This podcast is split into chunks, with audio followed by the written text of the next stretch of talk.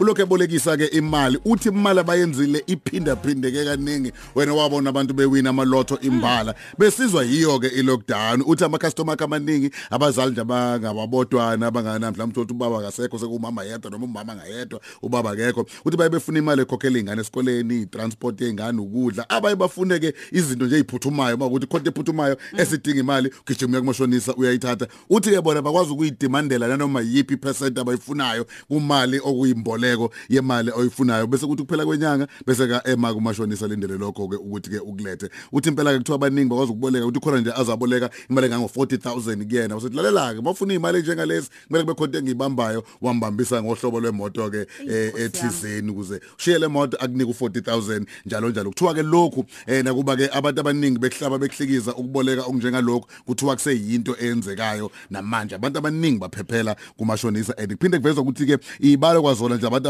abangasasebenzi eningizimu Afrika ziyeza khula isuka ku 30.8 amapercent kwikota yesithathu ka2020 kuya ku 32.5 amapercent kwikota yesine ka2020 nalokho kwenza ukuthi abantu abaningi bakhale bafune ukuthi baye kumashonisa beyofuna imali. But uqonde kangcono ngalokho nanokuthi ke kunomngozi omngakanani ukuthatha imali kumashonisa. Samukele khosini FM uakhona mata. Yebo ke njengalesikhathi njengamanje sikhuluma lapha yake no Mr Akhona Mata sithi uvela lapha yake ku National Credit Regulator. Sizwile indaba endlalela kahle usiqemeza ukuthi hey sanda kuba sibi isimo esithinta lapha yake ukushoda kweimali ingakho abantu sebengeneshi kubona ke omashoniswa. Eh Mata siyakubingelela sokwamukela ukhosini FM Bangibingelele Mroza. Ngibingelele kusigqemeza nabalaleli beukhoze FM ngifisa ukubheka nje la ukuthi mhlambe siyabona ukuthi siyakhula isidingo eh kubantu sokuthi ke banikele lapha yake komashonisa. Ngifisa ukubheka ukuthi mhlambe yini edala lokho nokuthi ikhona yini imigomo ebalawulayo omashonisa ngoba kade uzwe nje ukuthi umuntu vela ayifakele yena ukuthi interest yami ingaka. Ithini into kahle? Mangibonge umsakazi eh indaba ye yokubolekiswa kwemali ngokungekho semthethweni eh Mroza uludaba olucayi kakhulu. Eh abantu bakuthi ba desperate kakhulu for imali. Siyabona ukuthi abantu abaningi bathelelwe imisebenzi eh during iCovid abanye ke baye bakhathelwa ama hours emsebenzini. Ithola ukuthi umuntu bekasebenza eh 5 days a week manje sebasebenza 2 days a week manje abasenamali. Eh abantu bakithi ke manje bahamba eh baye kumashonisa bayoboleka imali. Into ebhlungu ke eh Mroza eh labantu laba eh ukuze sibazi kumele sithole ama offs. Yeah. Eh manje siyazi ukuthi lapha abo abomashonisa eh ababhalisiwe ngokusemthethweni eh sibakolota eh kulonyaka into engapha eh ko 2 trillion. That is a lot of money. Mm. eh but inkinga ukuthi asazi ukuthi i black market yona le okanye ama unregistered eh, credit providers ukuthi eh abantu sebecile kangakanani ezikweletini. Eh labantu ke abangabhaliswanga ngokusemthethweni eh ba in contravention eh no section 40 and 41 we National Credit eh Act number 34 of 2005 ukhumbule ukuthi eh i National Credit Regulator lena eh ine inegunya eh lokuqinisekisa ukuthi ibhalisa ama credit providers kunye namanye ama registrants manje ngokomthetho eh wena Mroza nawe eh, Sigameza. Eh umashonisa eh obhalisiwe ngokusemthethweni. Eh mababoleka abantu kumele eh benze lezi zinto okuthiwa ngama affordability assessments. Kwaye Okay. baqinisekisa ukuthi eh babolekisa ngemali in terms of ama regulated interest. Uzothola lapha emalokishini kabantu beboleka abantu ngabe uma 50 Mm. eh 60 70 80% because asikhona ukuba regulators bazi.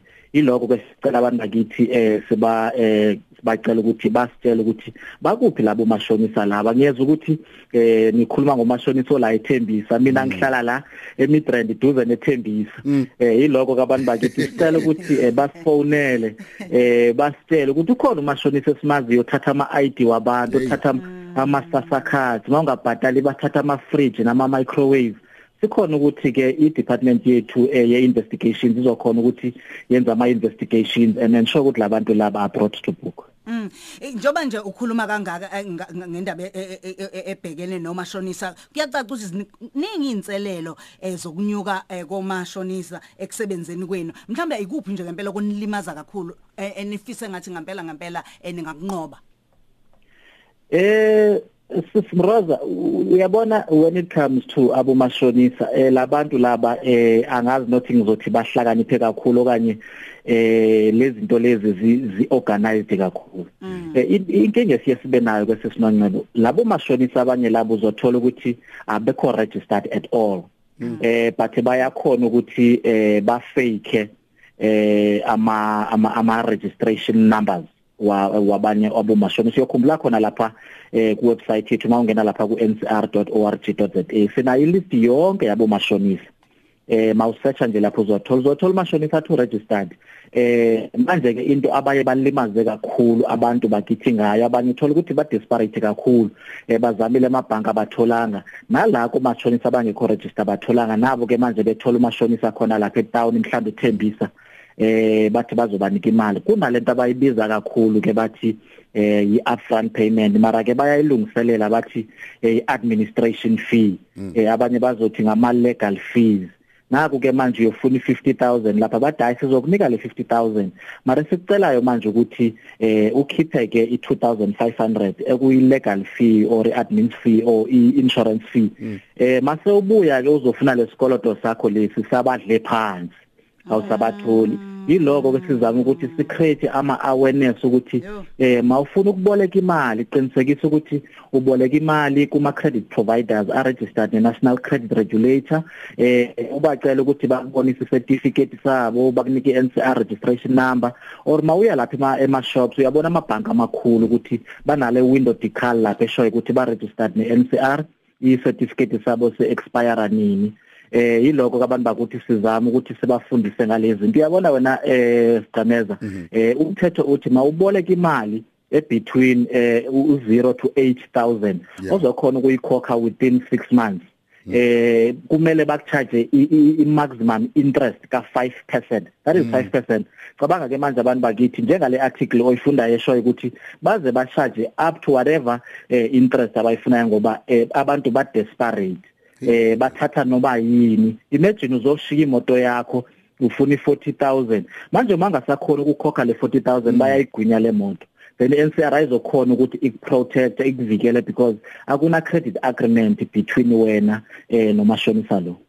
Hayi kunzima. Ey kunzima ngempela MT siyabonga kakhulu nje ukuthi ke uthi usivula amehlo ngoba phela njoba i- kusibhekene ne lockdown kanje eh, imisebenzi iphelile kakhulukazi nje ama single parents thina singama single parents uthola ukuthi imali uyidinga ngayo yonke indlela. Futhi bayasho nabo la kulolu cwaningo omashonisa ukuthi eh, ama single parents iwona ngempela aboleka kakhulu imali ngalesi sikhathi. Uthola ukuthi umuntu ngizothi ngisayibukela iTV yami eh ngiyothi ngibuka nezingane umuntu useyangena uthatha iTV Uzothatha. yami umuntu uthatha Yeah. if- ifridge lami line braai pack Yona yodwa nje phakathi. eh yona yodwa sihamba ne braai pack yami phakathi Yeah. ne sausage lami bayithe ngithi ngisazoliphekela izingane akutshela athi izohamba namankonyana yonke lonto athatha iID yami ngifuna ukuvota ngiyavota ngoOctober iID Yeah. ayikho kumina kuyangcwatshwa akusangcwabe kusebamba ibhokisi lomngcwabo kuningi nje Yeah. okwenzakalayo eh siyabonga Asifa- asifale ngakho ukuthi ke nansi inombolo yenu eh sinithola kuyona mawukuthi nami ngixakekile manje ngiyalifuna usizo lwenu Eh mangibonga sigomeza eh abantu abanezikhalazo or mhlawumbe uyazi ukuthi kunomuntu khona lapha emakhaya uthatha ama IDs ama SASSA cards